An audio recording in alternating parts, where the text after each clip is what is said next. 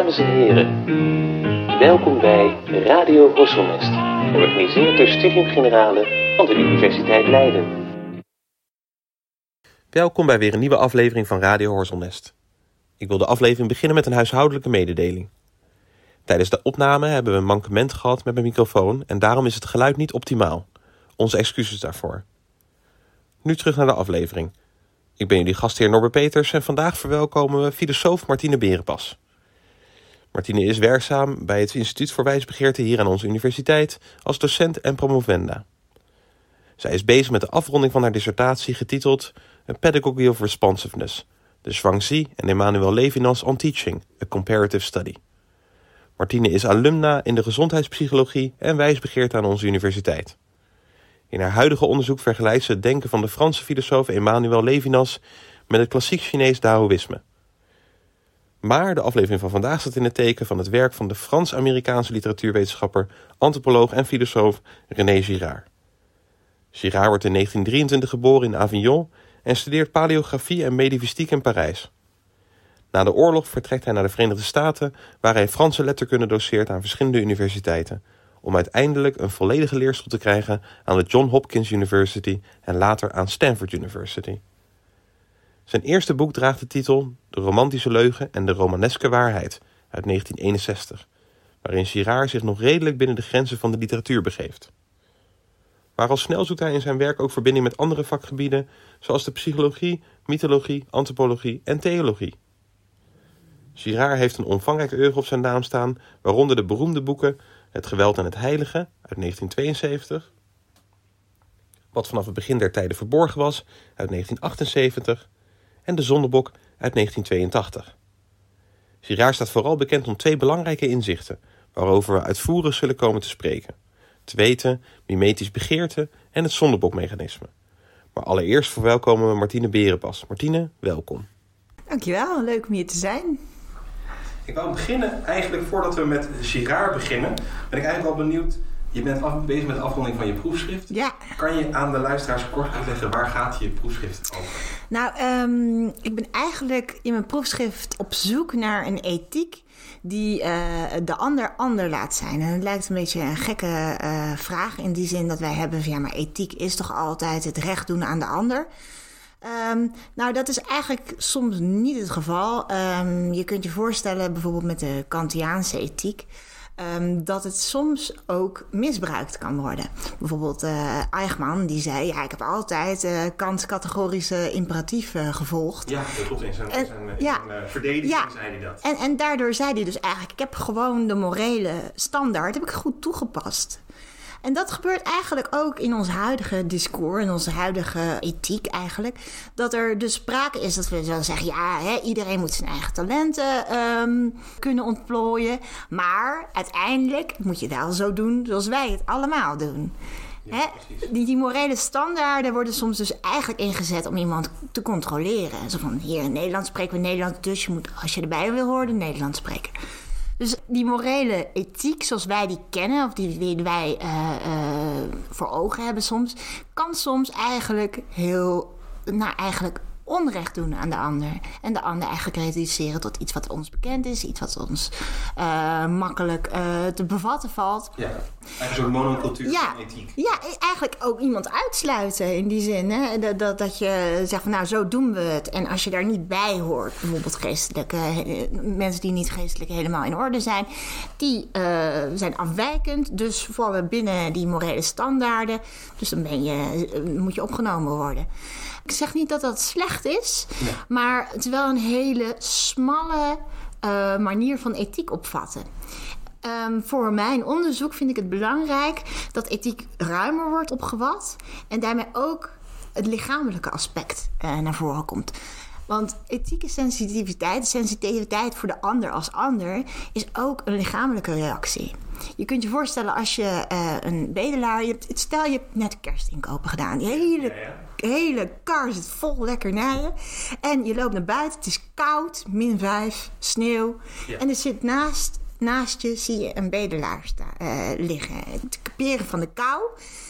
En nog voordat je je bedenkt, zal ik die man nou wel of niet wat geven, ben je dus al geraakt eh, door zijn lijden? Ben je al bewust en, en voel je ook soms een beetje, voel je denk ik een beetje schaamte, hè? dat je zoveel hebt gekocht en hij heeft niks. Ja.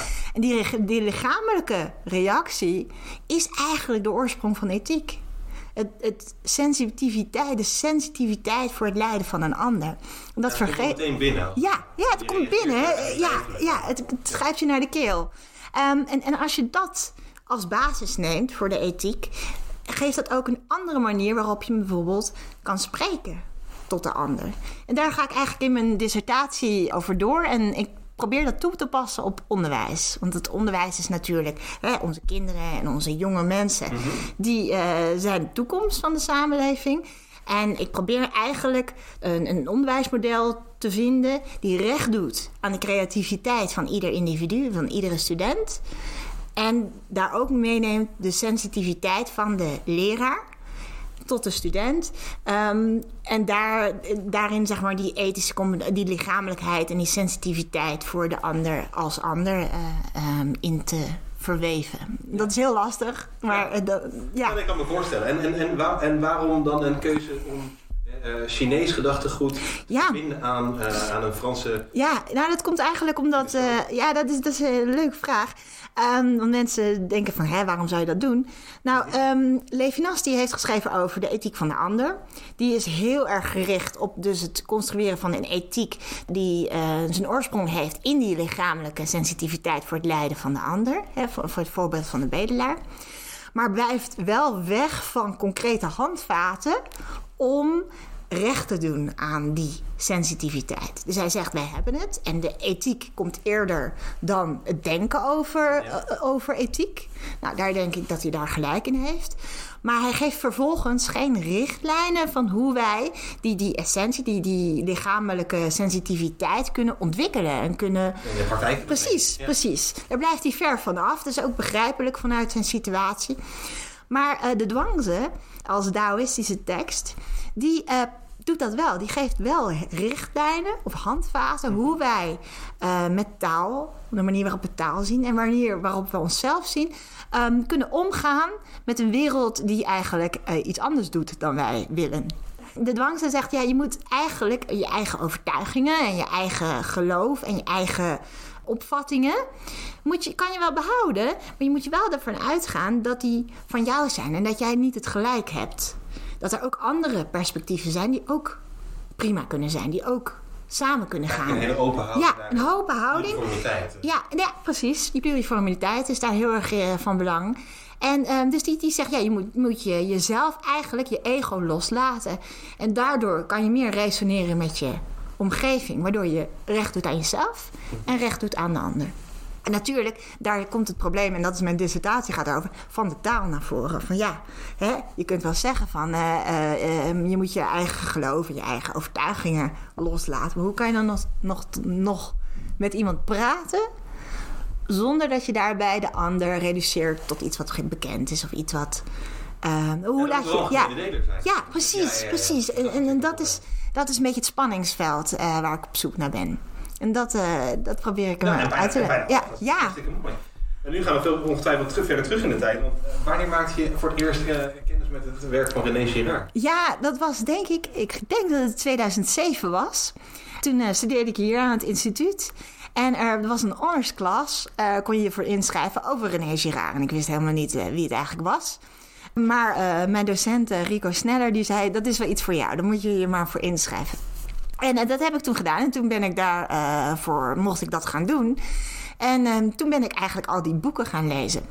En eigenlijk was ik er helemaal niet zo van gecharmeerd. Ik dacht, nou, Girard zegt van, nou, eh, we bootsen al iedereen na, we bootsen een model na. Onze verlangens zijn niet eigen, maar is het resultaat van mimees, van nabootsing. Ja. En ik vond het, mm, qua literatuur, hè, vond ik het heel een leuk heuristisch instrument. Zo van, je Ja. kan dan teksten, kun je goed uitleggen, kun je een mooi paper over schrijven, prima. Maar ik had nooit ik, de waarheid ervan, of dat het echt zo zou, mensen zou zijn. Ik geloofde toen nog best wel dat de, dat de mens autonoom is en dat ik mijn eigen authenticiteit had en dat ik origineel was en creatief en uniek. En, en, al, en al dat soort dingen wat hij dan ja, ja, ja. Dus da- da- daar was ik, eh, da- da- daar zag ik nog niet zo heel veel heil in. Maar ja, toen, toen werd ik later eh, moeder van twee kinderen. die broer en zus eh, eh, relatie kregen. En op een gegeven moment moest ik toch bekennen dat die mimese wel een dingetje was. Ja, Ja. die inderdaad. dat is het, of in ieder geval, dat is een van de, de, de, de kernwoorden meteen Ja. eh, in het Ja. van, van Girard. Eh, eh, je zei het al even, mimese nabootsing. Ja. Wat, voor, wat, wat bedoelt hij daarmee op het moment dat hij zegt mimese? Nou, kijk, kijk ehm, we hebben allemaal verlangens. En dat gaat het niet over natuurlijke verlangens. Kijk, we hebben natuurlijk allemaal natuurlijke verlangens. Je hebt honger, je hebt dorst. Nou, dat, daar, daar zegt hij niet over dat die eh, eh, mimetisch zijn. Maar echt de menselijke verlangens. Je hebt het, weet je, je hebt, je hebt honger. En de menselijke verlangen naar lasagne eten. Kijk, dat is mimetisch. In die zin dat mijn voorkeur voor lasagne ten opzichte van brood is iets wat, ik, wat niet uit mezelf komt. Dat heb ik geleerd van een ander. Heb ik overgenomen van een ander. Bijvoorbeeld mijn moeder, die lasagne heel erg lekker vond. Dat heb ik onbewust, dat gaat onbewust. En daarom is het soms zo lastig om dat aan te nemen dat je echt mimetisch bent. Ja, ja, ja. Zeker. Dat is onbewust gebeurd dat. Ja. En, en, en dat zie je als ouder, dus het mooiste bij kleine kinderen. Want daar is die mimetische begeerte is nog zo aanwezig. Is, niet, is, is onbewust, maar komt naar voren. Hè, kinderen kunnen overal ruzie om hebben. Zelfs het kleinste poppetje, wat uit zo'n kindersurprise komt, die niemand leuk vindt. Maar als de een dat heeft, dan wil de ander dat ook. En dan vechten ze en dan hebben ze ruzie en dan slaan ze elkaar, de, dan vechten ze elkaar de tent uit. En dat poppetje, Twee dagen later ligt het in de, in de prullenbak. Ja. Dat is die mimetische begeerte. ja, precies. Dus je hebt eigenlijk wat hij, wat hij dan... eh, Apathie, hè? De, de, de- Ja, ja, je hebt de- hè, dus inderdaad, als jij door de woestijn loopt en je gewoon honger loopt Ja. of zo, dan, dan, dan is dat niet omdat je iemand Nee, nabootst. nee, Dan nee. is dat inderdaad gewoon omdat je eh, eh, een bepaalde, eh, ja, je moet overleven. Ja, Dus dat is, ja. dat is niet product van nabootsing. Maar die mimetische begeerte komt inderdaad om de hoek kijken op het moment Maar- dat jij begint te imiteren. Ja.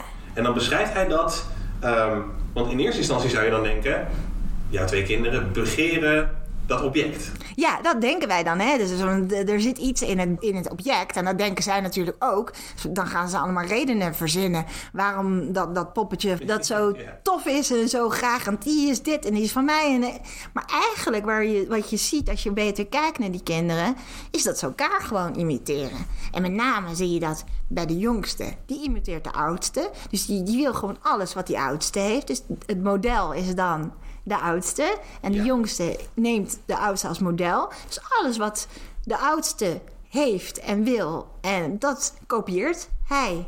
Dus, dus het gaat niet om het object. Want die, dat twee dagen later is het echt, zit het in, is het weg. Ja. Het gaat erom dat die verlangens worden gekopieerd, nagebootst. En eh, dan krijg je afgunst en jaloezie en, en geweld omdat dat, dat, dat is onbewust. En dat herken je ook, denk ik, bijvoorbeeld bij ruzies die je hebt. Hè?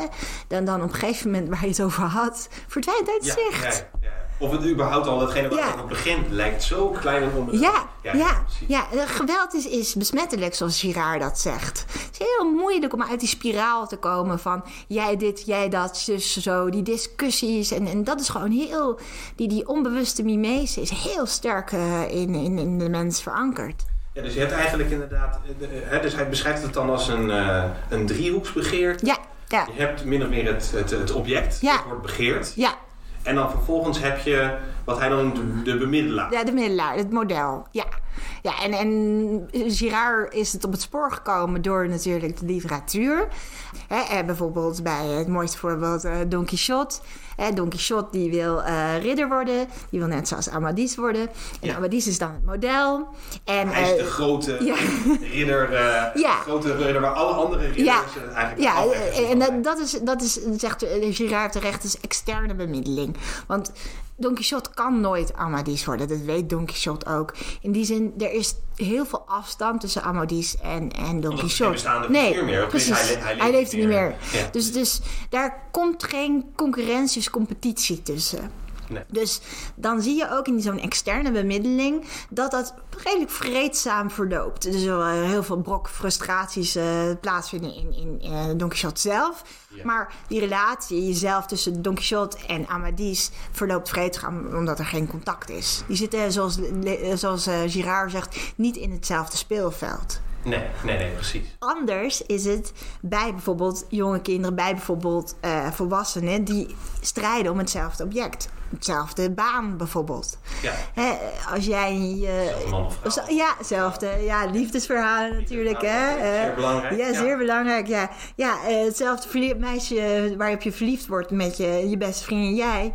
Probeer dan nog maar eens vrienden te blijven met je beste vriend. Hè? Ja. Die, die, dat geeft heel veel spanning. En dat is Dus je intern. lijkt, Ja, word je elkaar op, op, op, op, obstakel. Ja, je wordt op de, de, de ander wordt, op, wordt je obstakel. Je beste vriend is dan niet meer je beste vriend, maar is de obstakel die jou, die jou verhindert om dat object te krijgen. Dat zie je met dat, met dat poppetje. Hè? Ja. Je zus is opeens de obstakel geworden, waardoor jij niet dat poppetje kan. Terwijl de, de- het inzicht er dan niet is van hé, hey, dat verlangen is eigenlijk gewoon nagebootst, het is gekopieerd. Ja, en inderdaad, wat jij inderdaad zegt, het object doet er op een bepaald... Nee. Als de concurrentie, of als het, het, het gevecht, het conflict dat ontstaat, maar heftig genoeg is, Ja. dan krijg je ook van dat soort reacties, ik hoef het dan. Ja, ja precies. Ja, ja, ja, ja. Dan is het dus inderdaad, eh, dan, is het je eigenlijk dan wil je eigenlijk alleen nog maar voorkomen dat de ander, eh, Ja. de ander Ja. Ja die, die, die afgunst is de grootste component in jaloezie. Dat zie je ook met, met maatschappelijke discussies die eh, ontsporen. Dat er opeens dan gezegd, ja, ik wil best wel toegeven, maar omdat die andere partij zo doet. Ja, Hè? ja, ja. En, en dan krijg je dus dat die partijen eigenlijk precies hetzelfde gaan doen. Die, die worden elkaars gelijker.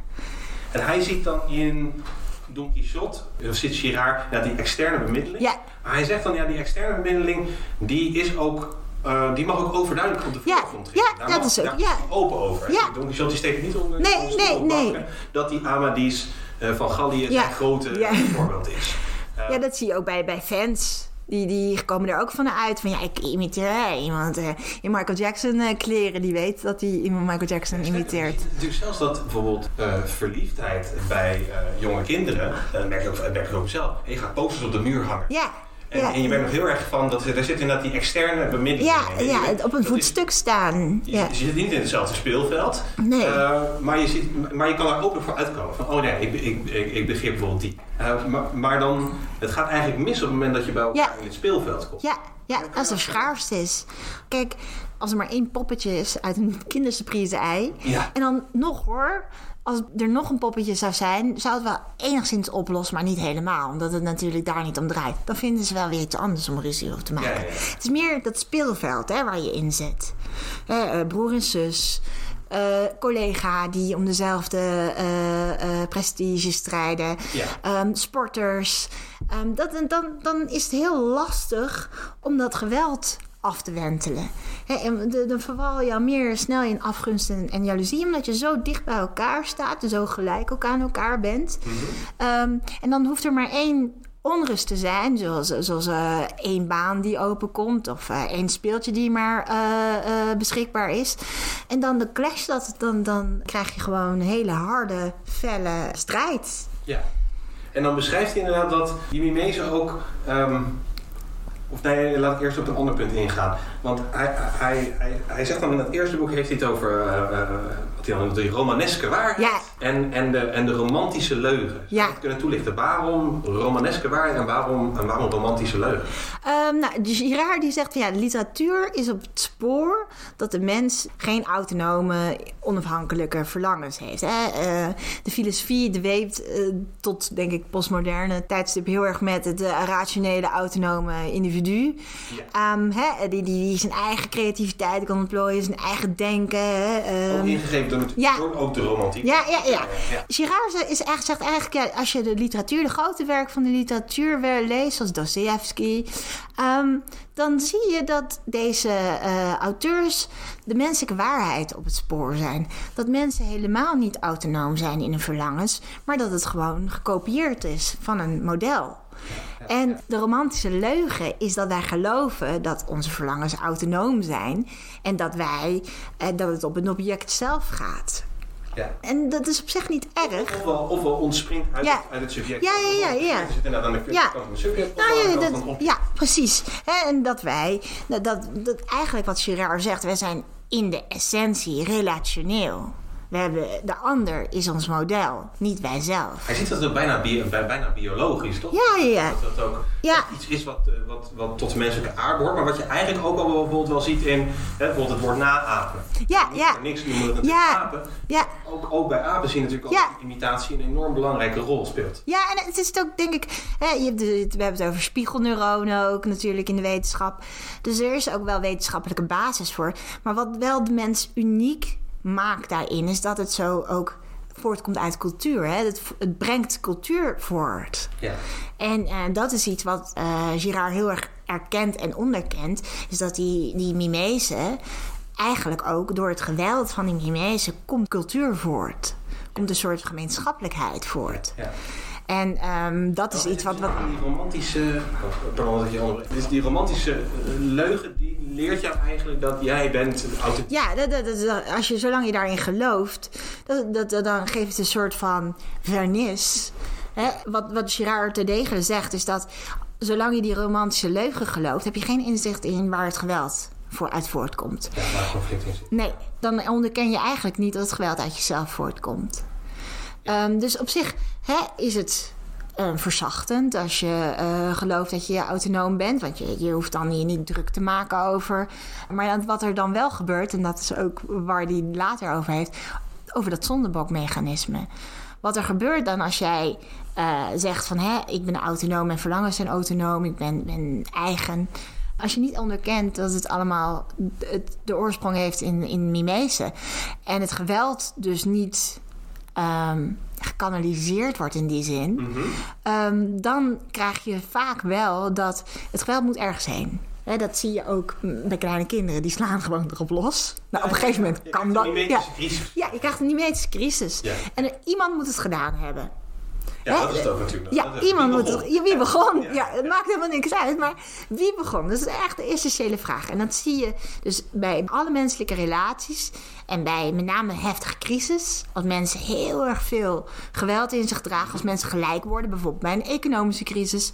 Misschien denk ik ook bij coronacrisis. Hè, waar mensen eh, niet meer verschillend van elkaar zijn. Dus meer gelijk aan elkaar worden. Zie je dus dat het geweld opkomt. Omdat mensen gaan concurreren met elkaar. En die, die mimees wordt steeds sterker. Het geweld, de afgunst, de jaloezie de- wordt steeds groter. En dat moet ergens heen. Ja, dat, en, maar ik, zie nog, ik snap niet helemaal goed aan wat dan de relatie is tussen... Want inderdaad, je, je zou dus kunnen zeggen, die, onze verlangensbegeertes... die zijn eh, nabootsend van. Of het nou de kleding is die we aan hebben... of de, de boeken die we in de kast hebben staan... of de tv-programma's die we kijken. Ja. Al die verschillende facetten van het leven... die berusten eigenlijk in de kern op, op, op nabootsen. Ja. En, en dat is iets wat je ook van jezelf Onbewust, herkennen, ja, ja. onderkennen. En je ziet dat die grote literatoren... dat die dat ook eigenlijk in hun boeken zeggen. Dus onder- Nou, niet zeggen. Ze, ze duiden erop. Oh, ze zeggen het nog niet. Nee, ze, zijn het op het spoor, zegt Girard. Want Girard neemt daar wel zeg maar, zijn eigen aandeel. Hij vindt dat hij dat ontdekt heeft. Oh, ja, ja, ja. Dat is van- Want hij zegt dan ook, er zijn natuurlijk best romans waarin dat eigenlijk niet, eh, waarin je die duiding niet, niet kan terugvinden. Ik zat vol te denken aan van, eh, van Goethe, het lijden van die jonge Werther. Dan is er ook een driehoeksrelatie. Ja, Je hebt dan Lotte en die is Ja. verloofd met Albert. En dan hij wordt verliefd op haar en hij kan haar niet krijgen. Maar wat Goethe niet benadrukt is dat de begeerlijkheid van, van, van die vrouw deels afhankelijk is eigenlijk van het feit dat, dat, dat zij ook begeerlijk wordt gevonden door haar verloofde. ja. Ja, nee, die, die, die, die roman- romaneske waarheid is, is zeg maar... Die, die grote eh, auteurs zijn het op het spoor. Maar maak het niet, maak het niet expliciet. Ja, ja, oh ja, ja, precies. En daar Ja. zit dus En daar- die zegt, ik maak het wel. ja, ja, ja, ja. Ja, maar hoe, hoe kom je dan inderdaad van, want je zou nog denken, oké, je, je bevindt je in hetzelfde eh, speelvlak. Of, ik, ik doe maar wat, je wil politicus worden of wat ook of zo. Ja. En, eh, eh, jij concurreert daarmee niet met de Amerikaanse politiek. Als Nee, ik lokaal nee. probeer de politicus te worden of wat ook of zo in de gemeente, dan concurreer ik niet met, Nee. met, met, met andere politiek leiders. Dus die kunnen dan een vorm van externe bemiddeling zijn. Wel, Ja. ik wil nabootsen, maar ik kom- kom niet met ze in, in, in contact. Eh, maar met lokale politici kan ik wel dat interne, die, die interne begeerte. En, en waarom kan dat nou zo makkelijk uitlopen op. eh, want bij kinderen zie ik dat en maar bij volwassenen zou je misschien denken van oh, maar die kennen toch, die hebben toch die sociale rem. Ja, ja nou, die hebben dat, die hebben het ook. Hè? Het eerste wat je kinderen leert is om dat niet te doen. Maar wat je ziet, is dat, dat het zelf wel de hele tijd geweld is wat, wat in je opkomt. Als iemand anders wil wat jij wil en de ander jou gaat prikkelen, dan gaat zeggen: ja, maar jij dit en jij, maar jij dat. En dan is het heel moeilijk om overeind te blijven, om dat niet terug te gaan doen. Ja. Dus daar zie je wel die wrijving. Je ziet het ook uh, in, in het debat bijvoorbeeld van Biden en Trump onlangs. En dat met modder smijten, dat is gewoon mimese. Op een gegeven moment kom je daar ook niet meer uit. Die man in het midden kan zeggen wat je wil. Ja, ja, ja, maar maar dat, dat, dan gaan ze alleen maar op elkaar lijken en alleen maar op elkaar reageren. Gaat het ook niet meer om de inhoud, gaat het niet meer om het object of gaat het niet meer om. Het is alleen maar die, die, dat geweld dat loskomt. Ja, precies. Je ziet daar inderdaad van, je ziet daar eigenlijk alleen maar de nabootsing van elkaar in, Ja. in overtreffende Ja, eh, het is eigenlijk- eh, elkaar beledigen. Ja. Het, eh, het, zelfs het presidentschap lijkt niet eens meer Nee. eigenlijk eh, als Nee. misschien nog wel als stip op de horizon, Ja, maar maar- meer, eh, niet meer datgene waarom wordt gestreden. Ja. Er wordt eigenlijk gestreden om de strijd. Om de strijd, ja. ja. Ja, precies. En dat heeft dus ook, want dat, dat noemde je al eerder, en dat, en dat is misschien ook wel belangrijk om bij stil te staan, dus dat soort epidemiologische karakter. dat- Ja, dat ja, besmettelijk, ja, ja. karakter. Dat, Ja. dat, vindt, dat vindt Girard zo belangrijk. Waarom, Ja. eh, hoe, hoe bedoelt hij dat? Waarom, waarom besmettelijk? Nou, omdat het over kan slaan op mensen. Ik probeer het altijd te klein te houden als je met je geliefde ruzie maakt. Op een gegeven moment gaat het alleen nog maar om het ruzie maken. Hè, dan verlies je in jezelf in, die kun je jezelf in die, dat ruzie maken helemaal verliezen. Nou, stel je voor dat dat in een politiek debat of in een grote groep gebeurt. Dan kunnen groepen mensen zich dus volledig verliezen in dat geweld. Want de, de, het is heel moeilijk. Nou, dat zie je hè, met vandaag de dag wat er aan de hand is met, uh, met railschoppers. Die roepen elkaar allemaal op via sociale me- media. Onbewust wordt die mimetische getriggerd. Nou, jongeren hebben uh, geweld in zich, want die worden bij alle kanten natuurlijk beperkt in hun, in hun doen en laten. En, en dat geweld wordt in dat groep gewoon gecatalyseerd, is besmettelijk.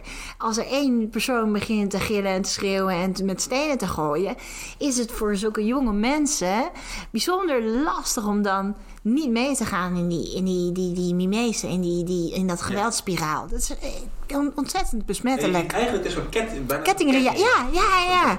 ja. ja. Met die damschreeuwer. Ja, ja. Ook in, dat was dan uh, natuurlijk een, geweld wat niet on, uit, uitmondde in een groot gevecht. Maar je merkte wel van ja. massaal reageert men daarop. Ja, ja je, je hebt heel erg de neiging om daar primair op te reageren.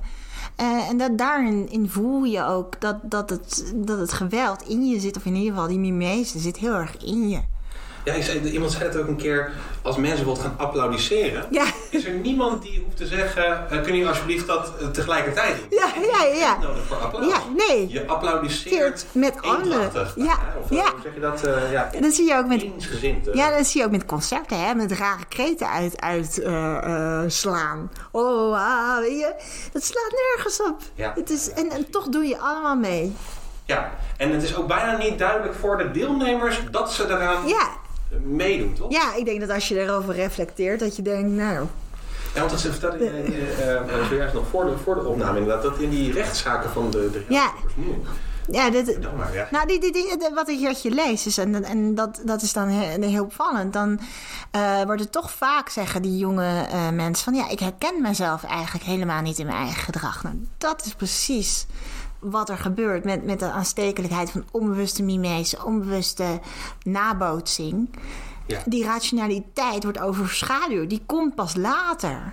Ja. Het is eerst die mimese, eerst dat nabootsen van, een, van de ander. En, en die rationaliteit is iets wat achteraf komt. Ja.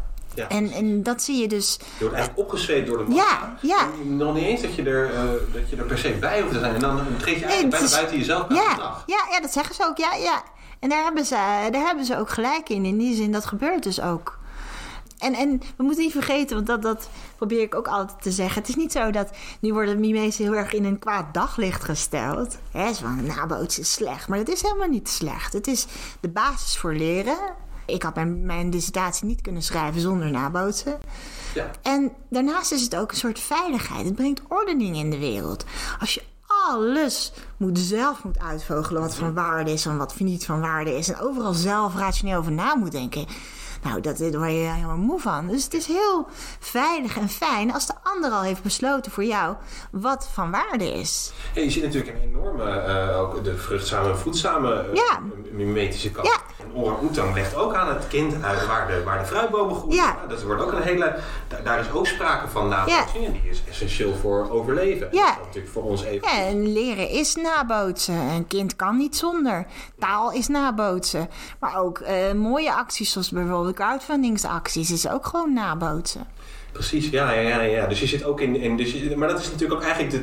Dat zijn eigenlijk natuurlijk ook eh, stiekem de twee kanten van Ja. de gulden regel. Ja. En je, hebt, je hebt zowel inderdaad. eh, wat gij niet wil dat u geschieden, dat ook. Ja. In ieder geval, maar ook in de positieve zin van: ik help jou, jij helpt mij. Ja, ja, ja dat is Ehm, oké, ja. Maar het is ook oog dan, oogmogen. Oh, ongemacht, ja, ja. En dat is in, ja. ja. Ehm, dat vinden we van Girard. Als je Girard leest, is dat nooit zo prettig om dat eh, te lezen. Want dat, wij, wij hebben graag dat het niet het geval zo is. Maar ik denk wel dat hij daar heel erg gelijk in heeft. En eh, dat als je daar rekening mee kan houden, dat je in ieder geval een andere blik hebt op jezelf. Hoe je zelf reageert op dingen. Dat je ook kan lachen om jezelf. Hè? Dat je, eh, ja, bijvoorbeeld dat ik hier naartoe rijd en dan iemand in een hele mooie jas zie en dan zie ik, oh, die wil ik ook. Dat ik denk, waarom? Ik heb een mooie jas. Ja, ja, ja, zeker, zeker. en dan, dan kun je erg om jezelf lachen. Ehm, en eh, daarnaast kun je dingen plaatsen. En kun je, denk ik, is het ook een, een als je weet dat mensen mimetisch, mimetisch wezens zijn, kun je ook een soort van empathie opbrengen voor waarom mensen reageren zoals ze reageren. Ja. Dus niet hetzelfde als het goed praten, maar je kunt wel begrijpen. Ja, want, want, ja, want als dan toch inderdaad een beetje inhaken op de actualiteiten, dan, dan vind ik dat ook opmerkelijk bijvoorbeeld bij politie die er dan bijvoorbeeld meteen roepen, jij stuurt het leger erop af. Ja, ja. Want dan denk, dan denk je, Ja, maar maar dat ben is- je nou niet zelf ook ja. geïnvolveerd in, in die mimese? Ja, ja, dat is mimese, ja. In, in, diezelfde, Ja. in diezelfde gewelds... Ja, Want je wil eigenlijk daar dat dus... En, en ook inderdaad bijna in het eh, de- demoniseren van Ja. zo'n railschopper. ja, mijn hart met hart te ogen. zeggen Ja, dat dat niet ontzettend vervelend eh, kan zijn als je, als je winkelpui eruit eraan gaat of je raakt gewond of wat ook. Dat zijn altijd vervelende situaties. Maar het is ook dat, je, dat die mensen heel erg dan vervolgens worden gedemoniseerd van oh ja, maar dat, dat zijn hele kwade figuren. ja, en de ouders moeten meer. Nou, dat is, natuurlijk hebben ze daar een punt. Maar ehm, wat we vergeten is dat deze mensen ook een bepaalde manier. Ze zijn jong, ze hebben dus iets te zeggen. En het gaat er volgens mij helemaal niet. Het gaat helemaal niet om die avondklok. Het gaat erom dat die geweld, dat geweld in zit in hen. Die moet ergens heen. Het moet eruit, die frustratie. Een jaar lang thuis zitten, een jaar lang met je ouders in één huis zitten. Als school misschien dan niet goed gaat, als je vrienden niet meer met je willen praten, niet meer eh, eh, beschikbaar zijn, als je niet meer jezelf kunt uiten. Ehm, dat zijn momenten waarin je als individu, zoals, zoals, zoals Hannah Arendt ook zegt in totalitarisme, atomiseert. Hè? Daar, daar ben je een eilandje aan het worden. Nou, die, dan ben je behoorlijk ontvankelijk voor dit soort acties. Voor, voor juist een model te nemen die vraagt om harde acties, om harde. ehm, eh, om om op, in opstand te komen. Ja. En dan Ja. heb je nog bij ons natuurlijk ook gewoon de staat. Hè? Dus wat, wat natuurlijk uh, Sira ook vooral benadrukt is dat eh, de uh, mimese echt gevaarlijk wordt op het moment dat je eigenlijk niet meer dat toeziend oog van de staat hebt. Ja, ja. Dan kan het helemaal, Helemaal. uit de hand- Ja, uit ja. ja, en sowieso, ehm Girard onderkent heel erg ehm, de, de functie van de samenleving, de staat, de, eh, de rechterlijke macht. Maar ook eh, culturele rituelen en gebruiken. Eigenlijk zijn die in staat om dat geweld te kanaliseren. Ja, want dat is inderdaad... Ja, Want je zou kunnen zeggen, hij is een, een echt Hobbesiaans denker. Ja, een bepaalde ja. Dus een bepaalde manier, ja. Hobbes, die... de- het heeft over de natuurtoestand, oorlog van alle tegen alle. Ja. De staatloze mens die leeft eigenlijk in een continue, eh, eh, of niet in zeker, zeker in een continue strijd, maar wel vooral in een continue angst voor eh wraak en wederwraak. En Ja. Ga zo maar door. En hij is echt een Hobbesiaanse denker. En hoe, ja, hoe komt hij daaruit? Hoe komt hij uit die, die, die, die, die strijd van alle tegen alle? Die blijft Ja. niet te stoppen Nou. als Mimees inderdaad zo wijd verspreid is. Nou, dat is heel, een hele interessante gedachte bij Girard. Ehm, hij zegt eigenlijk van ja, een samenleving ontstaat hè, in zo'n wantoestand, zo'n natuurstaat. Moet je je voorstellen. En op een gegeven moment eh, is die crisis zo omvangrijk dat het geweld niet te houden is. En Girard zegt dan, dan ontstaat de stichtingsmoord. En eh, daar kun je wetenschappelijk kun je daar kanttekeningen bij eh, zetten of dat nou werkelijk is. Maar ik denk dat het een hele mooie beeldspraak is wat er dan gebeurt. Wat er gebeurt is dat mensen dus in een groep. dat er het geweld uh, dusdanig uh, wijdverbreid is dat mensen er niet meer uitkomen. En ze zoeken daardoor collectief een zondebok. Die collectiviteit van iemand anders de schuld geven is heel belangrijk voor de nationale identiteit. In die zin voor het wijgevoel. Uh, je zit bijvoorbeeld een voor, bijvoorbeeld is dat je in een strand bent en je bent allemaal individuutjes en er gebeurt iets. Bijvoorbeeld iemand, iemand uh, slaat een ander in elkaar zonder reden. Ja. En dan merk je dat mensen opeens met elkaar gaan praten. En dan zeg je, ja, maar die persoon is echt helemaal gek, is helemaal getikt en die deed dat en dat en dat. Da daar zie je al een beetje in een klein dat de mensen met elkaar gaan praten en een soort van wij-gevoel krijgen. Wij tegen hem. Ja. En die stichtingsmoord is het eerste moment dat die samenleving dus ontstaat. Een willekeurige buitenstaander, iemand die een beetje afwijkt, iemand die net iets anders is, krijgt de schuld van het geweld. Die heeft het gedaan. Die wordt vermoord of verbannen. En daardoor, zegt Girard, keert de rust terug. En ontstaat een collectief wijgevoel. Wij tegen de ander. Wij hebben dat mooi geregeld. Ja, dus eigenlijk zegt... Catharsis, een soort, hè? Ja, ja, ja, ja zuivering in, in, ja. in, die zin. Een zuivering van de conflict situatie ja. die, die, die, in de lucht hangt. Ja. ja dus, hij, dus als, ik, als, ik het, als ik het goed begrijp, eigenlijk zie je daar dus een, uh, een, een, een omslag in waar Hobbes benadert er is een, een, een, oorlog van alle tegen alle, een strijd van alle tegen alle. En Girard zou zeggen, die is mimetisch van aard. Wat bij Hobbes ook al wel een beetje terugkomt. Je imiteert elkaar.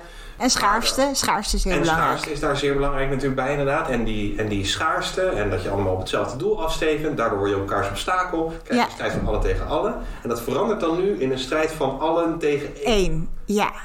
En, en dat, dat kan heel erg opluchten, opluchten. Hè? Iemand de schuld geven. Dat is dus inderdaad, dat is voor mij ook... Uh, wat ik, wat ik zelf een van de mooiste uh, momenten vond in, in dat lezen. Dat dat, werkt, dat werkt ook. Ja, ja. Daarmee eigenlijk krijg je daar een ratio voor uh, het offer. Dat, dat je niet denkt van, oh god, uh, er is een soort, hè, zoals dat vaak wordt benaderd, dit is pre-wetenschappelijk. Nee, nee. Hè, dat, maar dat heeft inderdaad, um, ja, dat noemt inderdaad wat je dan zegt, de stichtingsmoed. Ja. Ja, dat heeft een hele belangrijke functie om de gemeenschap weer, weer te ontdoen van dat geweld van het geweld die eigenlijk voortkomt uit menselijke, menselijke relaties. Ja. Maar dat moet, moet op een gegeven moment eruit. En die, die, die rituelen. Kijk, eerst heb je dus echt uh, Girard de stichtingsmoord. Wordt iemand echt vermoord of echt verbannen. En daarna wordt een soort van geciviliseerde stichtingsmoord wordt dat nagedaan. Want, Ja. want het, hè, het, het- de stichtingsmoord wordt daardoor een soort van... Zij krijgt een sacraal karakter. Want die man of vrouw of die buitenstaander... is in staat geweest om die mensen te ontdoen van het geweld. Ja. Om Ja. en een wij-gevoel te creëren. Dus die krijgt een Dus soort... komt dat? Ja, die krijgt een soort Wie is sacraal... Ja, Verantwoordelijk voor de vrede. ja, nou, dat, die, die, die, die stichtingsmoord, die, die, die zondebok, krijgt dus een sacraal karakter. En daardoor krijg je een soort rituelen waarin dat offer, die offermoord, wordt herhaald. Maar meestal dan met een dier of met, met eh, gebruiken. En Ja. daar, daar, daar is nog steeds, het, dat offer is nog steeds in staat om die, dat geweld te kanaliseren. Ja. ja, want dat is inderdaad wat hij ziet gebeuren. Hij ziet eigenlijk dus inderdaad een soort cultuurstichtend Ja. moment in de kanalisering van Ja. die agressie kan je niet van ontdoen. Ja. Maar er is een, eigenlijk een, manier om Een bliksemafleider. Een bliksemafleider inderdaad. Ja, En da daarvoor gebruikt hij de- het, woord- eh, het woord zondebok. Zou je, Ja. zou je dat iets kunnen toelichten? Want ik bedoel, iedereen kent het woord zondebok daar niet van. En sterker, Ja. nog, je leest het ook allemaal al op de manier waarop Girard... Ja, denk ik wel. Ja. Ehm, nou, ik denk dat het beste dat ik het uitleg aan de hand van eh Oedipus. Want dat is eh, erg interessant om, om dat te doen. Omdat het eh, een hele nieuwe lezing is van Oedipus. En eentje die eh, heel, heel interessant is. Dus ik zou iedereen aanraden die nu luistert. Om na eh, deze eh, eh, podcast Oedipus opnieuw te gaan eh, lezen. Want Oedipus is echt, als je hem Girardiaans leest, is het echt een ontzettend mooi voorbeeld van de zondebok. Natuurlijk zien we Oedipus op een bepaalde manier ook, allemaal als een zondebok. Nou, wat is er aan de hand in Oedipus? Er is de pest, een plaag. Nou, Girard zegt, als dat het geval is in een werk of in een mythe, dan is er eigenlijk altijd sprake van een mimetische crisis. Ehm, daar kun je over, over debatteren of dat werkelijk zo is, maar we nemen het nu even voor de vorm aan. Mimetische Er is crisis die is in ontwricht. Nou, ook, dat zie je nu ook natuurlijk met de coronacrisis. Ja. Het is ontwrichtend. Er is heel veel geweld in ons. Heel veel, veel Frustratie. Frustratie, ja. zeker. ja. nou, de pest is hetzelfde moment. En Oedipus, die eh, het orakel zegt hè, dat de schuldige moet worden gevonden voor de moord op Laius. En ehm, En Laius is zijn vader. La- Laius- Laius is de vader, Ja, Dus de, de, de Oedipus die... Oedipus, vader ja. En Iocaste die... eh, nou, dat, dat weet hij nog niet dat het zijn vader dat is. weet niet inderdaad, maar dan... eh, hè, dus hij, hij wordt vervolgens ja. naar een orakel toe en het orakel zegt... je, je- je- Je zal later... het kind zal later de vader vermoorden en de, en de Ja. moeder huwen. Dus hij legt het kind aan te vondeling. Opge- opgevoed door een familie uit Korinthe. ja, Keert terug uiteindelijk naar eh, Thebe, waar hij eh, oorspronkelijk vandaan komt. lost het raadsel van de Sphinx op. Precies, en, en redt daarmee eigenlijk de stad. Ja, ja. En, en, de, en de koning is eh, vermoord. Vermoord. Dus hij kan daar de positie van innemen in Ja. de stad. En daarmee krijgt hij ook de vrouw van, Ja. van, van de koning. En natuurlijk, wat wij allemaal als toeschouwers al lang weten, is natuurlijk dat hij... eh, Ja. Hij- de- die- hij Dat is het- eigenlijk ja. heeft vermoord en, en met zijn moeder Ja. Ja. Nou, dat is eigenlijk. Maar de aanleiding dat Oedipus op zoek gaat naar de dader van de moord op Laius. is dat de, de pest heerst. Dat er dus een crisis is. En Lysirai zegt dat is dus een mimetische crisis. die moet worden opgelost door het vinden van een zondebok. En dat is dus het, het, het principe van eh, de catharsis, van, van het oplossen van het geweld, wat eigenlijk uit ons voortkomt uit een mimetische crisis of mimetische begeerte. Nou, en wat je dan ziet in eh de tragedie zijn twee momenten waar ik op wil duiden. Ten eerste zie je eh, iets vreemds of iets heel wonderbaarlijks in eh, de relatie tussen Theresias, de blinde wijsgeer, en Oedipus. Nou, dat moment in de, ehm, in de tragedie is een heel mooi moment. Want je ziet in het begin, Oedipus gaat eh Theresias raadplegen. Omdat hij informatie, hij wil de waarheid weten over de moordenaar. Eerst zie je denk ik, nou dat is dus externe mediatie. Want Theresias wordt op een voetstok geplaatst. En wat je ziet in die dialoog is dat Theresias op een gegeven moment Oedipus gaat imiteren. En dat ontaart in ontzettend mimetisch geweld. Waarin ze gelijk aan elkaar worden. Ze gaan alleen maar ruzie met elkaar maken. En jij dit en jij dat. En het mooiste van aan het eind van de tragedie. Oedipus wordt daadwerkelijk ook gelijk aan Theresias. Want hij wordt ook blind. Ja, dat Dus- ja. Dus dat is een heel mooi, mooi eh, eh, in hoe, dit is zeker de moeite waard om die, die dialoog eh, uit te gaan pluizen. Want dat is echt alleen maar modder gooien en, en gelijk aan elkaar worden. Nou, dat is het eerste moment.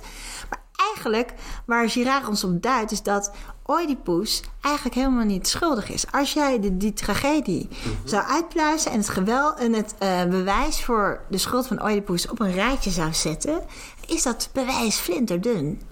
Eh, Oedipus zegt eh, bijvoorbeeld ehm, dat hij alleen was en dat hij maar één persoon heeft gedood. En eh meerdere boodschappers zegt dat er een karavaan was met mensen om, rondom Laius die ook gedood zijn en waarvan één boodschapper het heeft overleefd. En dan kun je ook zien van ja, die boodschapper die dan ja, ja. Oedipus als schuldige aanwijst, kun je ook wel eens van denken, is die niet omgekocht? Dus er Ja, zit heel is veel... Er is natuurlijk een raar machtsspel. Want Ja. Dus hij krijgt inderdaad, dus die pest heerst en dat moet worden opgelost. Ja, En Creon... De, Ja, de- Creon, dus de- heeft een dubieuze rol daarin. eh, Iocaste, die natuurlijk ook eigenlijk tro- troonopvolger is, maar Oedipus staat op zijn rol. Die gaat naar Orakel toe ja, en die zegt, de, de, De- je moet de moordenaar- zoeken van die, Ja. van die luis, anders dan, krijg je die, dan los je die pest niet op. ja. Ja, Dus orakel zegt eigenlijk van, er moet een zondebok worden Ja, gevonden. ja. Voor, ehm, alleen het rare is natuurlijk bij die tragedie, het wordt verteld vanuit het perspectief van de gemeenschap Ja. die zich keert Ja. tegen, de, tegen, de, tegen de zondebok. Ja, dat, dat is precies ook eh, wat er gebeurt. En Oedipus is natuurlijk de perfecte zondebok. Want hij staat buiten de gemeenschap. Hij komt niet uit de stad zelf. Ja, hij is een buitenlander. Daarnaast is het ook zo dat hij mank loopt. Hè, is welvoet. Ehm, dus dat is ook een makkelijk doelbe- doelwit. En uiteindelijk zie je dat dus culmineren in het ten ondergaan... of in het aanwijzen van die ultieme zondebok. Waardoor het geweld... Een, een, Ja, er zit een stereotypische aanklacht in. ja, Dat is, ja. Ehm, en, en dat zegt Girard volgens mij toch ook dat eh, die, die, die, die stichtingsmoord, of die, die, het zondebokmechanisme, heeft eigenlijk twee effecten. Je krijgt ta- taboeisering, je krijgt Ja, taboes. taboes. Ja, En je krijgt aan de andere kant krijg je het, het offer eh, om die vrede weer te laten terugkeren. En de zondebok krijgt altijd als aantijging dat hij de taboes negeert. Ja, negeert. En de taboes zijn dan volgens Girard de vroegere momenten die leiden tot mimetische crisis. Ja. Zoals als bijvoorbeeld in, vadermoord, ja, incest. Ja, ja, eh, overspel Ja. en ga zo ja. Dus die aanklacht krijgt hij. En dan maar vervolgens moet hij eigenlijk daarmee worstelen van... Ja, ja eh, maar wat moet ik er... Ja, eh, ja, eh, eh, ja, die tragedie... Dus Girard beschrijft het toch ook als, eigenlijk als een offer? Ja, ja, ja. Maar hij zegt wel dat, eh, dat de mythe nog niet in staat is om het, om het zondebokmechanisme te doorzien. Het is een soort, eh, Ja. soort ja. nog, nog niet ontwikkelde vorm van. eh, eh, Want als wij dat woord horen zonder boek, dan weten we meteen... ja, Iemand dat- onterecht beschuldigd bevonden. precies. Ja, ja. We hebben een slachtoffer Ja. aangewezen, maar dat Ja. is onterecht. Ja. En dan lezen we eigenlijk al zondebok... eh met Vanuit geseculariseerde, ja, vanuit een latere interpretatie. Ja. Terwijl natuurlijk op dat moment het zondebokmechanisme werkzaam is... doordat men echt gelooft, Ja. die eenling Ja. is verantwoordelijk voor. Ja, ja, maar dat is dus ook wat Girard ons op wijst. Die zegt van ja, als wij niet meer gebruik kunnen maken van het zondebokmechanisme. En dat, dat, dat wil hij ook. Hij wil af van het zondebokmechanisme, natuurlijk. Ehm, maar hij zegt wel ja, dan eh, hebben we andere manieren, of, en hebben we een nieuwe manier nodig om dat geweld wat, wat voortkomt uit die mimetische crisis te kunnen eh, kanaliseren. Ja, ja, om die slijmhorigheid te cre- creëren. Ja. Om die rust terug te brengen in de samenleving. En dat is, denk ik dat hij het ook terecht zegt. Dat is in onze samenleving van vandaag de dag best wel lastig als de cultuur aan het afbrokkelen is. En dan kom ik weer terug op het rechtssysteem. Het rechtssysteem is vandaag de dag een van de eh, weinige systemen die nog overeind is en als bliksemafleider om maar geen wraak op de ander Ja. te nemen. Ja, ja. En als dat aan het afbrokkelen is, als wij geen vertrouwen meer hebben in ons rechtssysteem, dan komt dat geweld, dan, dan komt dat. ja, terug, ja. Nou, dat is ook wel inderdaad wat, het, bi- wat ik heel bijzonder vond, wat hij wat hij beschrijft in eh, Le Sacre eh, et le Violence, of, of ik heb het gewoon in het, eh, nee, het geweld en, eh, en het heilige. Dat hij ook zegt inderdaad, ja, in, op het moment dat jij geen sterke gerechtelijke macht hebt, op het moment dat jij geen sterke staat hebt, ja, dan is de besmettelijkheid van geweld al voldoende om ja, ontzettend huiverig te zijn. Ik vond, ik zat zelf een keer ehm, eh, eh, passages uit eh, de, de, de Edda te lezen. En er werd ontzettend gepraat over hoe ontvang je een gast.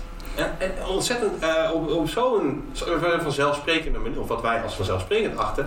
Ja, je moet de gast zo, zo, behandelen en daar moet je op letten en dit moet je doen en zus moet je doen. En dan denk waar komen al deze voorschriften vandaan? ja, maar dit is om, om verschil te creëren. Ja, En, en ook inderdaad Ja. de angst van, ja, je laat een vreemde binnen. ja, Dat, dat is een mogelijkheid voor mimetisch Ja. geweld. ja. En, en, en juist door die afstand te creëren, hè, door, door te zeggen je moet hem zo behandelen, zo behandelen en zo behandelen, blijft hij op afstand. Ja. Dan krijg je die interne mi- mimese, wordt dan zeg maar dichtgetimmerd. Natuurlijk, ja. Je krijgt inderdaad die externe Ja. waardoor je niet in het speelveld Precies. van elkaar. En ja, dus je, bent, je wordt buitenlander, je, wordt, je bent anders genoeg, waardoor je niet bij mij in, in die, die interne cyclus komt. En, en je kan ook bijna natuurlijk, tenminste, daar kunnen we ons daar wel een voorstelling van maken. Je, je hebt op een gegeven moment eh, nog wel situaties gehad in, in, in landen waar de staten en de, en de gerechtelijke macht nog niet zo duidelijk gescheiden is van Ja. de kerkelijke macht en de statelijke macht. Waarin je dus inderdaad de angst voor bloedwraak enorm is. Ja. Natuurlijk. eh, dus zodra, want dat heeft ook een positief feedback. Ja, dat, dat heeft een soort catharsis, hè?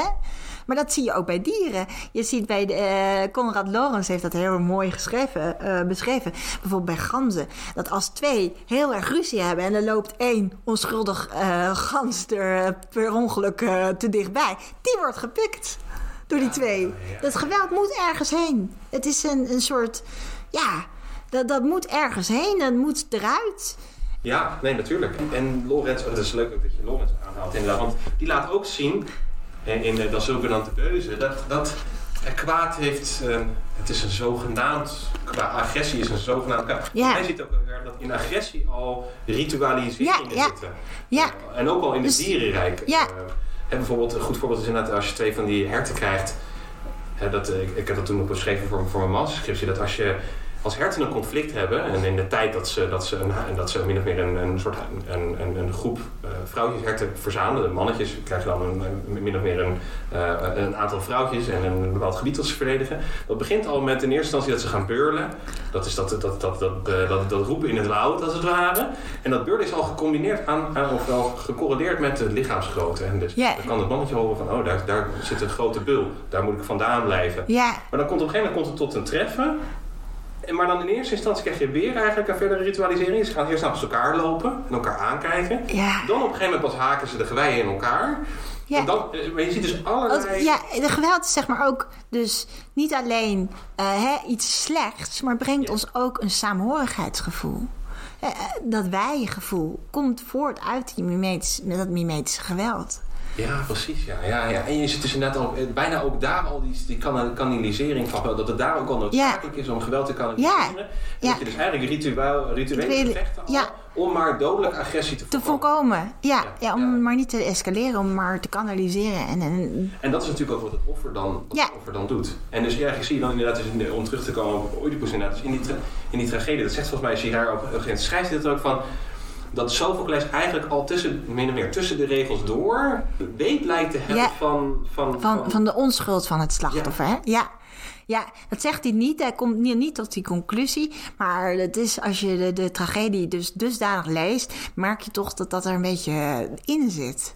En dat is natuurlijk heel fascinerend. Hè? Ja, en ik vind dus ook vooral die stereotyperische ehm, beschuldiging is, is, is, is, is fascinerend. Ja. Want die Ja, krijgt het- vandaag de dag ook. Ja, ja maar dat, dat, dat is natuurlijk ook, hè, eh, wie hebben het gedaan? Nou, die hebben het gedaan of die hebben het gedaan. We hebben heel snel, ehm, willen we daar, willen we een, een, een uniform iemand die het gedaan heeft vinden. Ja. Hè? En, en we willen dat dat duidelijk is. We willen niet een grijs gebied. We willen, hij is gewoon schuldig, punt. Ja, ja. En, en ehm, Wat van alle tegen één veronderstelt Ja. anonimiteit. Ja, Er moet ja. anonimiteit. En het beste is nog, als de zondebok, zoals Oedipus in die mythe, Ja. z- zelf zijn schuld. Ja, ja, dat is eh, de beste. Want dan eh, hoef je je ook eh, als wijgevoel niet schuldig te voelen. Zo van, of geen, dan is er geen twijfel. Ja. En dat sticht natuurlijk heel veel sociale orde en sociale rust. Ah, Als er het, dan is het probleem opgelost. En de mens, ja, wij zijn als, als mens toch wel heel erg gebaat bij sociale rust. Ja. Maar ja, als onze natuur dat, dat soms niet geeft, dan zijn er dus andere dingen nodig om dat wel te krijgen. En in die gemeenschappelijke wereld is natuurlijk voor ons cultuur en rituelen zijn dus niet belangrijk omdat ze een soort van, van eh, overblijfsel zijn eh, vanuit het goddelijke, omdat ze een relatie hebben met het goddelijke. Maar rituelen en, en cultuur is belangrijk voor ons om dat geweld te kanaliseren en die saamhorigheid te versterken. Ja. En, en ik kreeg inderdaad precies wat je net zei. Je krijgt eigenlijk op, op een bepaalde manier het idee van... oh, nu snap ik eigenlijk wat nou die rol is van dat sacrale. Want Ja, ehm, dat is natuurlijk altijd iets voor, vooral voor iemand als ik, als atheïst, is dat lastig te vatten. Van, Ja, hoe komt- sacrale? ja. Maar dat dan die Girard zegt inderdaad van ja... Het lukt ook, hè? De- Ja. dus als inderdaad er een zondebok wordt, is gekozen, unaniem, en, en daar wordt dan het geweldverbod viert, of, of, of, zoals het dan waar het woord, volgens mij komt het woord vandaan uit, het ja, ja, is de ook, criticus. ja, ja. Die beschrijft dat volgens mij, eh, als ik het goed heb, hoor je me even verbeteren, maar dus als het goed is, is op een gegeven moment een, een, een dag de, eh, ehm, in, in het Joodse geloof, er wordt er een bok Bok, ja. gekozen. ja. En, en die bok die krijgt eigenlijk alle zondes van Alle de zondes van de hele gemeenschap worden daar, daarop geprojecteerd. En en- die stuur je dan eruit. Ja, en die, die eh, is het eh, bokje. Ja, ja, ja, precies, die is het bokje, ja. Ja, ja, ja precies. En waarom, ik dat nou? Ja, ehm, ja je, je komt eigenlijk eh, op de Bijbel eh, als eh, natuurlijk moment. Maar dat is inderdaad dat, dat, dat moment dus erin zit Ja. van... Het lukt ook Omdat- om dat geweld op te lossen en Ja. de samenhorigheid Ja, ja, maar dat kun je in onze eh, huidige samenleving al zien met, met de rechtspraak. Dat heeft, een rechtspraak heeft ook een soort sacraal eh, karakter. Hè?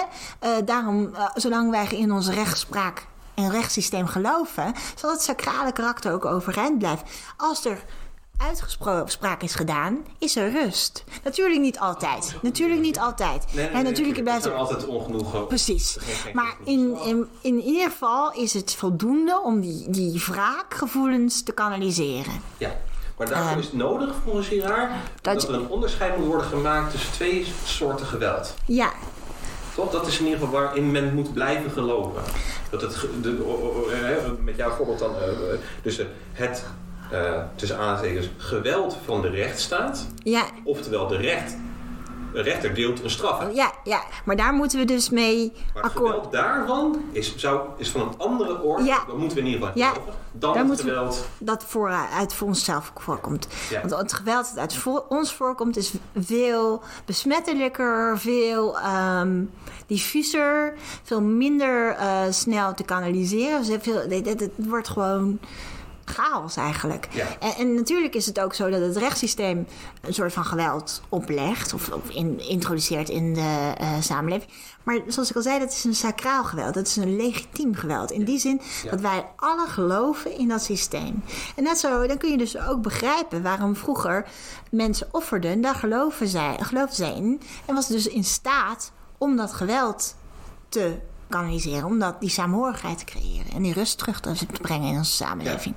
En eigenlijk zie je dan, als ik het goed begrijp, in die tragedie dat op een bepaalde manier ehm, dat begint Ja. eh, De, de, de, wankelen. ja, nou, dat ze het op het spoor komen. Dat er iets onthuld wordt. En Sophocles zegt, eh Gerard Sophocles heeft het nog niet door. Maar het wordt wel een beetje omschreven. En ehm Girard zegt, de, de eerste eh, geschriften die werkelijk het zondebokmechanisme onthullen... En, en blootstellen, zeg maar, is de Bijbel. En dat is echt een hele interessante lezing die Gerard van eh, eh, de Bijbel geeft. Die zegt, de Bijbel laat zien dat de zondebok onschuldig is.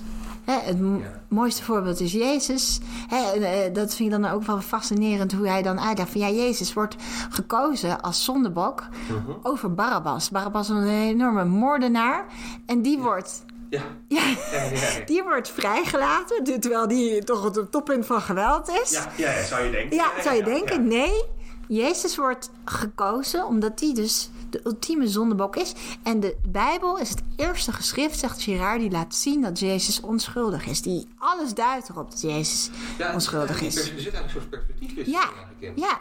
Het perspectief wordt niet meer gelegd in de massa, hè, die, Ja. die overtuigd is van, van de schuld van de zondebok. Het perspectief gaat nu naar de zondebok. Naar het slachtoffer. Ja, naar het slachtoffer. Slachtoffer, ja. De tragedie dient uiteindelijk nog, want haalt hij daar zelfs Aristoteles aan eh, in de Poëtica. Inderdaad, het dient, het dient catharsis, het dient zuivering. Ja, hetzelfde ja en, en. Oedipus herkent ook dat hij erkent ook dat hij schuldig is. Ja, ja, ja, ja, precies. Hij, ja, en dat is natuurlijk helemaal, eh, dat, dat, eh, dat is echt de werking van Ja. het moment. Als natuurlijk de, als, Ja, als je. als de zelf schuld bekend. Ja. En dan is natuurlijk de bedoeling dat je als toeschouwer daar, dat je naar huis gaat en Zo. denkt van, nou, zo ga ik me in ieder geval niet gedragen. Precies, ja. Ehm, Ja, Maar inderdaad, in- en dan zit er dus inderdaad in de, in de, in de Bijbel zit dan een wending naar, naar het slachtoffer. nog het slachtoffer, ja. die ziet hij eigenlijk al heel vroeg in het, in, in, in het Oude Testament. Ziet hij die Ja, terug. ja. Nou, dat, eh, dat, ik weet niet precies hoe waar hij die wending ziet. Maar hij ziet van ja, de, dat de Bijbel dus de neiging heeft om de kant te kiezen van de zondebok. En hij zegt, daaruit weten we, daar wordt eigenlijk de werking van het geweld wordt daar onthuld. En als wij de Bijbel goed lezen, dan kunnen we ook zien van ja, die, dat zondebokmechanisme is wel een mechanisme natuurlijk dat eh, rust creëert. Maar het gaat ten koste van natuurlijk van een, van een onschuldig mens. Ja, En ehm, als je dat, hè, dit moment dat de Bijbel zijn intrede doet, zegt Girard, kun je eigenlijk al niet meer verkopen om te geloven in dat zondebokmechanisme. ja. Dan heb je dus, nou ja, zoals Girard zegt, een, een probleem met dat geweld. Want dat kun je niet meer afwentelen op de schuldige. Want die schuldige is onschuldig. Ja, dus, volgens mij in een aantal verhalen hoor. Eh, eh, het verhaal van Jozef eh, en ja, ja, ja, zeker. En het zit een bol hè, van de Bijbel. Het zit een bol van... Natuurlijk Abraham en Isaac. is Ja. Ook, de- dat is- hij zegt volgens mij ook inderdaad van ja, eh, het offeren van kinderen, het offeren überhaupt van mensen, is, is, is, is, is regel Ja. in, in die tijd. Ja, En ehm, hij gaat dan natuurlijk met Isaac de, de, de, de berg op en het offermes is er en eh, de, de, de, nou, hij ligt er al, ja. alles, is, alles, is, alles ligt klaar. En dan wordt het vervangen Door een bokje. door, door een bokje. inderdaad. Ja, En, en dan zie je daarin al een bijna zo'n afstandneming ja. van... Nou, dan zie je dus ook een taboe ontstaan van je, je gaat niet je eigen kind offeren, maar je neemt een afgeleide daarvan. Ja. Een, een, een, Wat je eerder ook beschreef. ja, een, een vervanger. Ja, je krijgt een soort substituering. Ja, Ja, Ja, en, Ja, ja. ja, ja, en die van gaat naar, naar dierenoffers. Maar het moet nog wel steeds een gelijkenis Ja, het moet wel in staat... Nou, het moet niet... Een, de gelijkenis is niet zo heel belangrijk. Het moet in staat zijn om dezelfde werking te hebben. Om dezelfde catharsis te bewerkstelligen. Net zoals het rechtssysteem. Als wij daarin geloven, kunnen we daardoor het geweld kanaliseren. Zolang, als niemand er meer in gelooft, dan hebben we een groot probleem. Ja.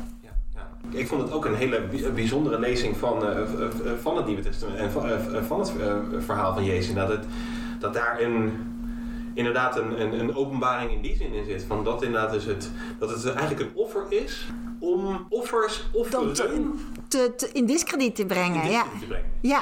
ja, ja, ja, dat Ja. is eh, zo. eh, het, het- het- en daar heeft het, iets, eh, heeft het iets opmerkelijks aan, want eh, en hij haalt natuurlijk daar heel veel verschillende voorbeelden van, van aan. Maar eh, Jezus is natuurlijk, het punt is natuurlijk dat, hij, dat wij zijn onschuld Ja. zien de hele tijd in, En, in ja. het geweld dat hij krijgt van de, van de massa. Ja, en, en daardoor is ook, hè, eh, Jezus is ook de onschuldige uitgegroeid. De, de, de sacraliteit van Jezus is ook zijn onschuld.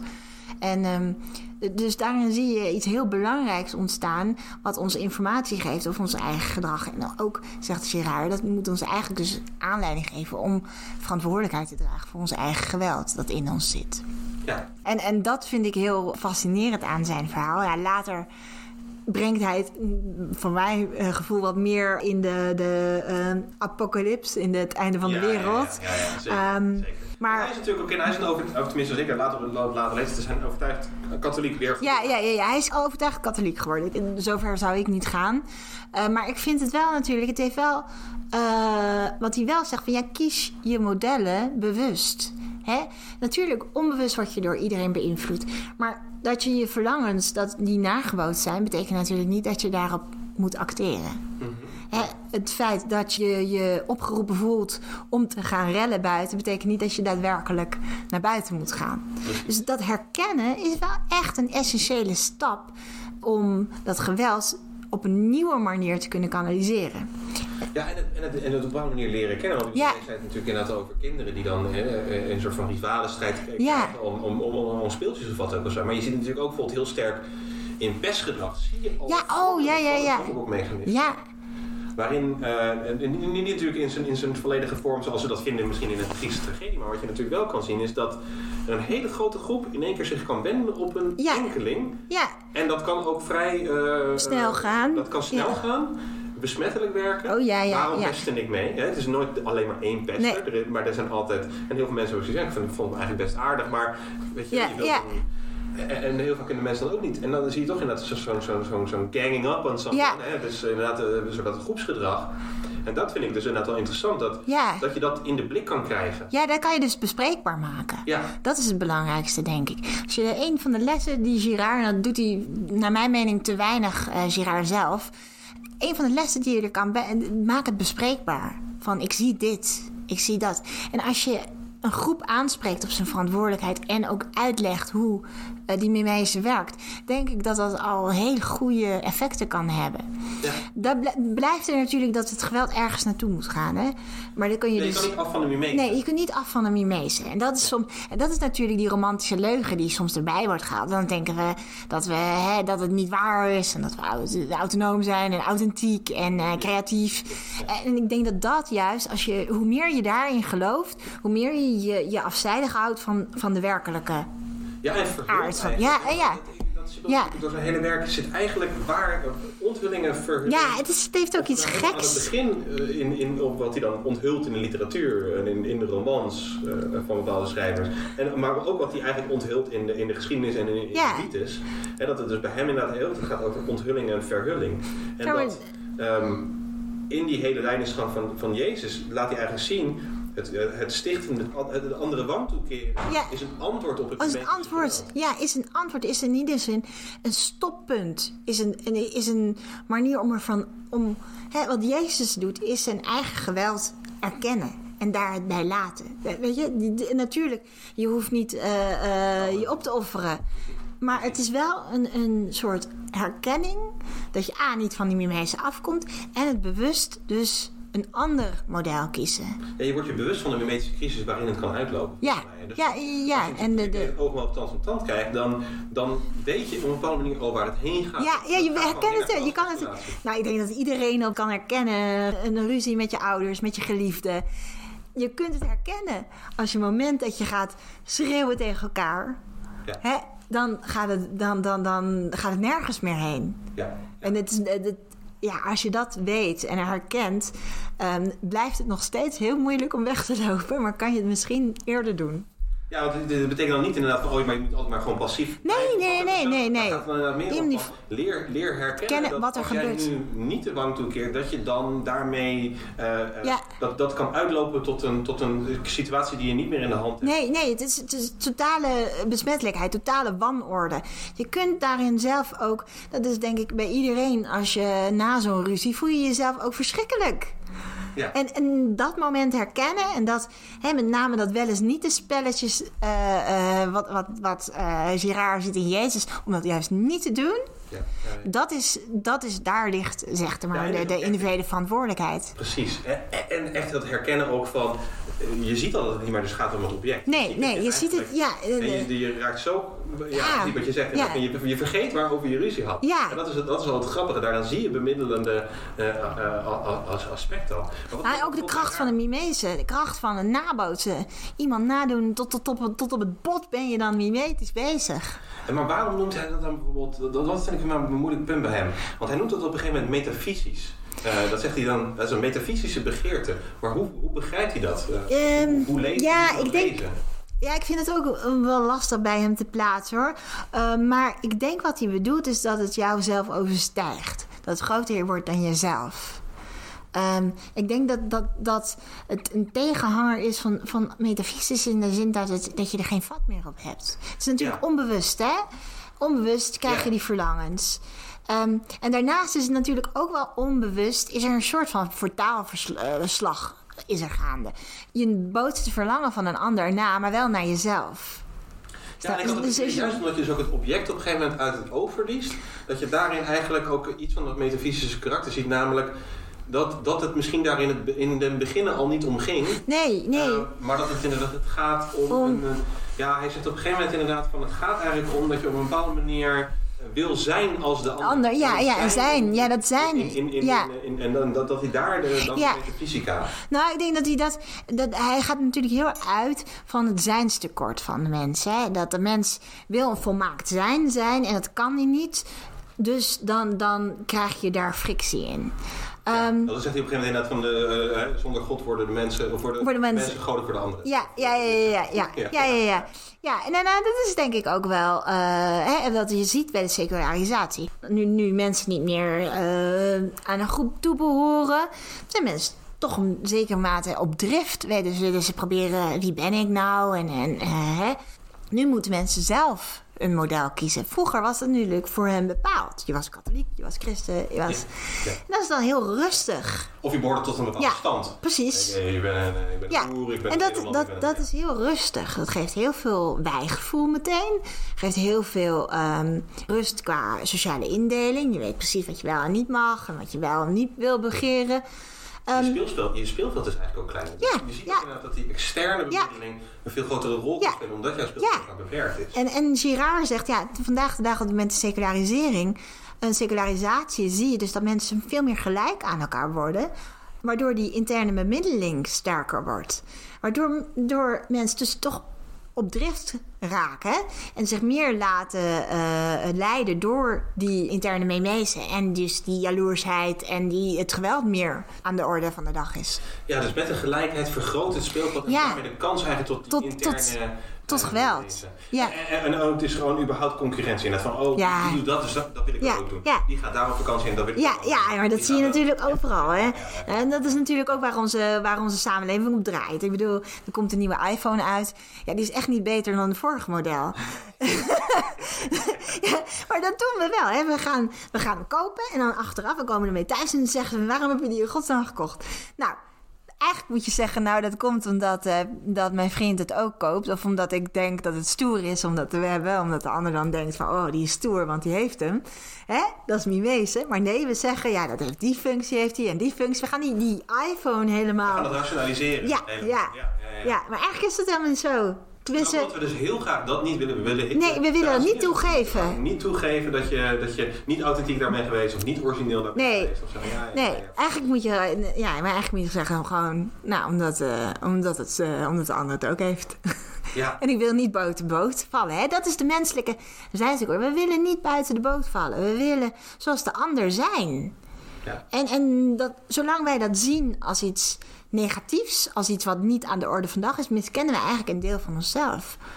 Ja, en, en je schetst het ook eigenlijk altijd, hè, dat is precies dat oude spreekwoord van het gras is altijd groener. Ja, ja, dat, je ook doet- dat, dat de ander willen zijn, en, en, en die ander heeft datzelfde. dat je heeft ook zoiets van, ik wil die zijn. Ja, ja. Het is, eh, misschien inderdaad in die zin, me- me- eh, me- metafysisch, oftewel eh, dat het dus inderdaad, het, het gaat om, het, eh, om het, het zijn van de ander. eh, Het zijn Ja, van het zijn ander. van de ander, Maar het ja. zijn van de ander is al niet eigenlijk echt een werkelijk Nee, bestaand nee, dat is geïdealiseerd. Dat is geïnterpreteerd. Die ander heeft ook zijn eigen problemen. Weet je, dat is natuurlijk eh, het eh, eh, meest eh, teleurstelling van het opbreken van een huwelijk en met iemand anders beginnen. Ja, ja, 9 van de 10 keer is het niet, vervalt het in hetzelfde stramien. Ja. Ehm, Tuurlijk, ja. En, En- en, en- dat is ook inderdaad interessant dat je dus inderdaad ook, wat mensen dan ook vaak niet begrijpen, wel- welke rol speelt ja- jaloezie? Dat is natuurlijk Ja. in, in, zo, in, in, in, in, een, in een liefdesrelatie. Ja, maar ik denk dat we elke dag wel in, in bepaalde mate jaloezie ervaren. En, en dat hoeft helemaal niet, niet ehm, iets na- nadeligs of iets te zijn wat we moeten miskennen of, of, of wegstoppen. Dat, eh, ja, dat hoort nou eenmaal bij ons in die zin dat het ook ons kan drijven tot creativiteit. Hè? Ja. Het jaloers zijn op eh, iemand die het beter doet dan jou kan je ook aanzetten om harder te studeren. Ja. Dus ja. het is niet. eh, en we zien vaak dingen van. dat is negatief, dus moet je niet voelen, moet je niet willen. Hè? nou, net de hele samenleving die gericht is op authenticiteit. Maar ja, je moet je afvragen of je dat wel eigenlijk. Of, dat, dat, hè, of het wel zo slecht is om de ander na te bootsen. Ja. Ik denk. Ja, dat bedoelde ik ook. Ja. Van, hè, dat, dat er altijd een dubbel, een dubbel Ja. zit. Dat, hè, dat als je... Dat het bijvoorbeeld ook ergens... dan voor mensen soms moeilijk te begrijpen is van... Oh, als die ander, als die ander bijvoorbeeld mijn vriendin begeert... Dan vind ik dat op een bepaalde manier prettig. Hè? Ja. Dan zeg ik dan op een bepaalde manier... Vind ik haar ook begeerlijk. Of, dan word ik- ja, ja. En word ik daardoor- begeerd. ja. Dat is bijna een soort van vonk. Is Ja. inderdaad... Om nog je harder je best te doen, of nog Ja, ja. meer. Maar er, ja. zit natuurlijk een soort, er zit een soort dubbel. Er zit Ja, een dubbelheid. Aan de ene kant wil je niet dat die andere die haar krijgt. Maar aan de andere De kant, kant is het het feit ook- dat hij dat wil, is voor jou eh, kan versterken en. Ja. ja. Het feit dat jij ehm, een, een, een iPhone hebt en de ander is jaloers op jou dat jij die nieuwe iPhone hebt, kan je ook in je eigen waarde omhoog brengen. Of, zo van, of je nog gelukkiger laten zijn met die iPhone. Ja, dat, ik vind dat niet, niet per definitie slecht. Terwijl als je zou zeggen van ja, je hebt die iPhone alleen maar gekocht om, omdat de ander het ook heeft, denken mensen ja, maar dat is niet zo. Of eh, dat vind ik niet fijn. En op een bepaalde manier zie je dus al dat, die, dat, dat besef, dat, eh, dat dat op een bepaalde manier ook al lukt. Dus omdat we, net met, net met het woord eh zondebok, maar bijvoorbeeld met het woord heksenjacht zie je. Ja, ja, ja zeker. We weten inmiddels ook- van, ja. heksenjacht, dat is iets Dat is kwalijks. iets kwalijks, ja. Daar zit een soort van eh, onschuld in. Eh, ook een woord, wat, wat we er net over hadden, over idealisatie. Hè, dat is natuurlijk ook sprake van, van de zondebok. De zondebok wordt als zondebok ook geïdealiseerd. In die zin, de zondebok is dit en dat en dat en dat. Ja, meestal is het eh, of dubieus of, of eh grijs tinten.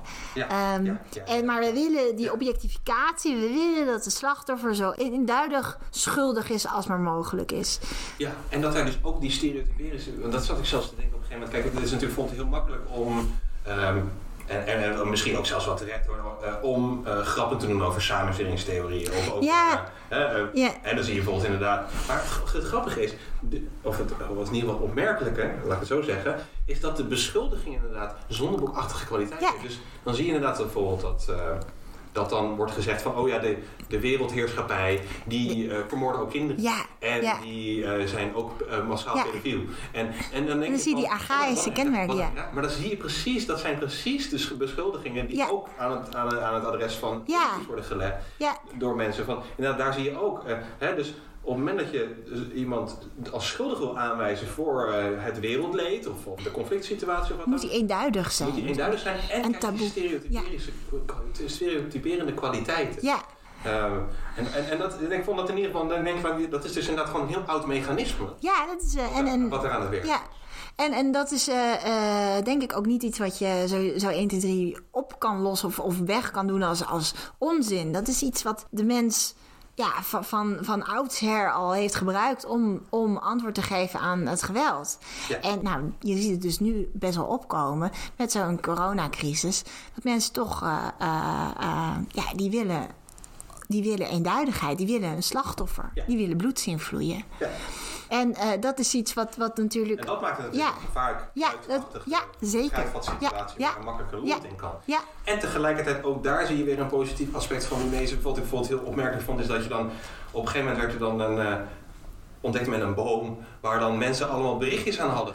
Ja, Dat ja. dan ook alweer iets. dat Ja, nee. van, oh ja, dat is eigenlijk ook wel Ja. dat, dat is dan weer die mooie kant van die mensen. Ja. De crisis zorgt er ook voor Dat je- samen... Ja. dat, dat je, dat je een soort samenhorigheid kan krijgen, waardoor je inderdaad, nou ja, op een bepaalde manier. Nou, ik denk dat de coronacrisis ons meeste heeft natuurlijk ons laten zien. En wij denken altijd dat we autonoom zijn en individueel. En dat, kijk, in de, nu heb je een jaar tijd gehad om volledig authentiek te zijn. Om helemaal te werken aan je eigen authenticiteit. Maar dat willen we helemaal niet. We missen het relationele. we missen de mimezen. We missen de mimezen, Ja. Ja. Ja, en, die, en die dreigende atomisering. Ja, ja. Natuurlijk dan precies. Ja, dat, dat, dat, het is een mooi idee, maar het is. ehm, wat on- wij zijn in, in relationeel van aard. We zijn gericht op de ander. Ja. En eh, we hebben de ander nodig om de wereld veilig ook te maken en overzichtelijk. Hè? Een kind is nergens zonder zijn ouders. Eh, eh, wij als volwassenen zijn ook nergens zonder eh, betekenisvolle anderen. Ja, ja, ja, ja, je staat inderdaad normaal wanneer je in relatie tot. Ja, ja, en weet je, we kunnen alles in ons eigen huis ontwikkelen wat we willen. Maar wat we missen is eh, dat relationele eh, aspect. Ja. Het, het, en, het, en het samenhorigheidsgevoel creëren. Dus, Lijkt me ontzettend mooi. eh Ja. van ons gesprek. Ik wil je hartelijk danken voor dit gesprek. En Graag gedaan. Mensen met de afronding van je proefschrift. En de luisteraars thuis bedankt en tot de volgende keer. Dit was weer een aflevering van Radio Horselnest. Dank u voor het luisteren.